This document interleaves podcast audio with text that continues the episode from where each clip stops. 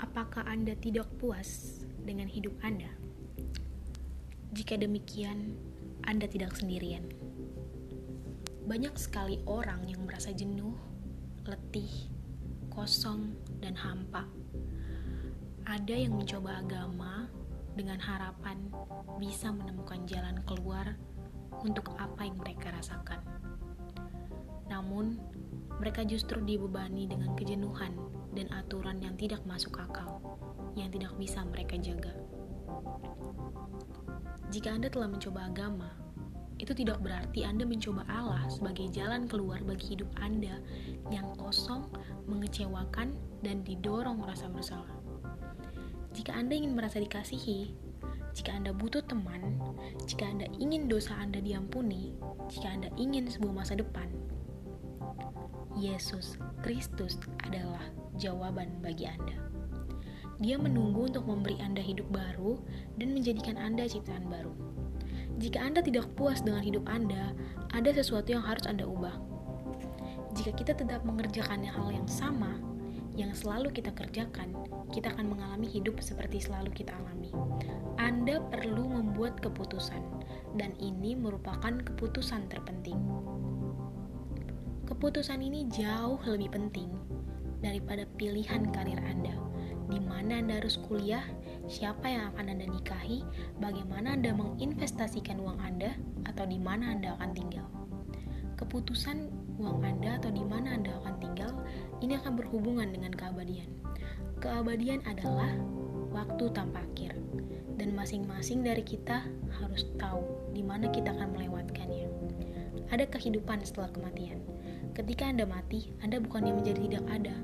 Anda justru berada di tempat lain. Telah dikatakan bahwa kematian seperti melewati pintu putar. Anda meninggalkan satu tempat dan pergi ke tempat yang lain. Apakah Anda ingin membangun hubungan dengan Allah di dunia ini dan hidup bersama Dia selamanya? Jika demikian, Anda perlu menerima Yesus sebagai juru selamat Anda.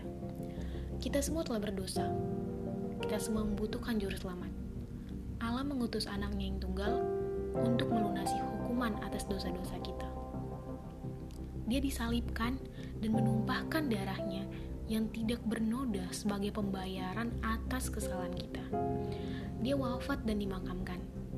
Tapi pada hari yang ketiga, dia bangkit dari mati dan kini duduk di surga, di sebelah kanan Allah Bapa. Dia adalah satu-satunya harapan Anda untuk memiliki damai, sukacita, dan dibenarkan oleh Allah. Agar diselamatkan dari dosa-dosa kita, Alkitab mengajarkan bahwa kita harus mengakui Yesus adalah Tuhan, dan kita harus percaya dalam hati kita bahwa Allah membangkitkan Dia dari antara orang mati. Kepercayaan ini lebih daripada sekedar pengakuan jiwa. Kepercayaan ini tulus dan sepenuh hati. Banyak orang percaya Allah itu ada, tapi mereka belum juga mau menyerahkan hidup mereka kepadanya. Allah adalah penulis kehidupan, dan dia ingin agar Anda dengan sukarela memberikan hidup Anda kembali kepadanya. Allah menciptakan Anda dengan kehendak bebas. Dia tidak akan memaksa Anda untuk memilih dirinya.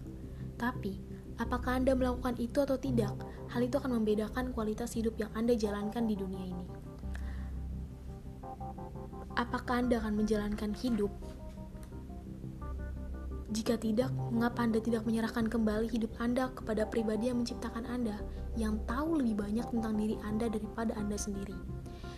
Jika saya membeli mobil dan mendapat masalah dengan mobil itu, saya akan mengembalikannya ke orang yang membuatnya, sehingga mereka bisa memperbaikinya.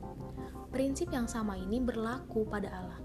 Dia telah menciptakan Anda dan sangat mengasihi Anda.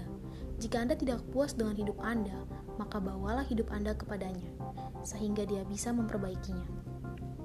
Seperti yang saya katakan sebelumnya, tidak akan ada perubahan jika Anda tidak membuat keputusan. Apakah Anda ingin menjadi seorang Kristen? Apakah Anda siap untuk menyerahkan tidak hanya dosa Anda, tapi juga hidup Anda?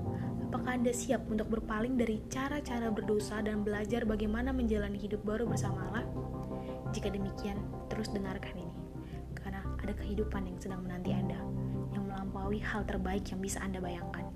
Hidup itu tersedia bagi semua, tidak ada seorang pun yang tidak yang ditinggalkan. Inilah yang dikatakan Allah tentang masa depan Anda. Sebab aku mengetahui rancangan-rancangan yang kurancangkan atas kamu. Firman Tuhan, rancangan damai sejahtera bukan kejahatan, untuk memberikan kepadamu masa depan dan harapan. Tidak ada seorang pun yang bisa membuat pilihan bagi Anda. Itu adalah tugas Anda, dan hanya Anda sendiri yang bisa melakukannya. Kualitas hidup seperti apakah yang Anda akan miliki? Apakah Anda sungguh-sungguh ingin mengikuti contoh yang Anda lihat di masyarakat saat ini? Firman Allah berkata, kita datang ke dunia tanpa membawa apa-apa dan akan meninggalkan dunia tanpa membawa apa-apa. Allah adalah Alfa dan Omega, awal dan akhir. Pada mulanya adalah Allah dan pada akhirnya adalah Allah. Setiap orang akan berdiri di hadapan Allah dan mempertanggungjawabkan hidup mereka. Inilah saatnya untuk bersiap untuk itu. Saya selalu berkata, "Saya siap atau tidak, Yesus akan datang." Bersiaplah sekarang, buatlah keputusan, karena mau nanti mungkin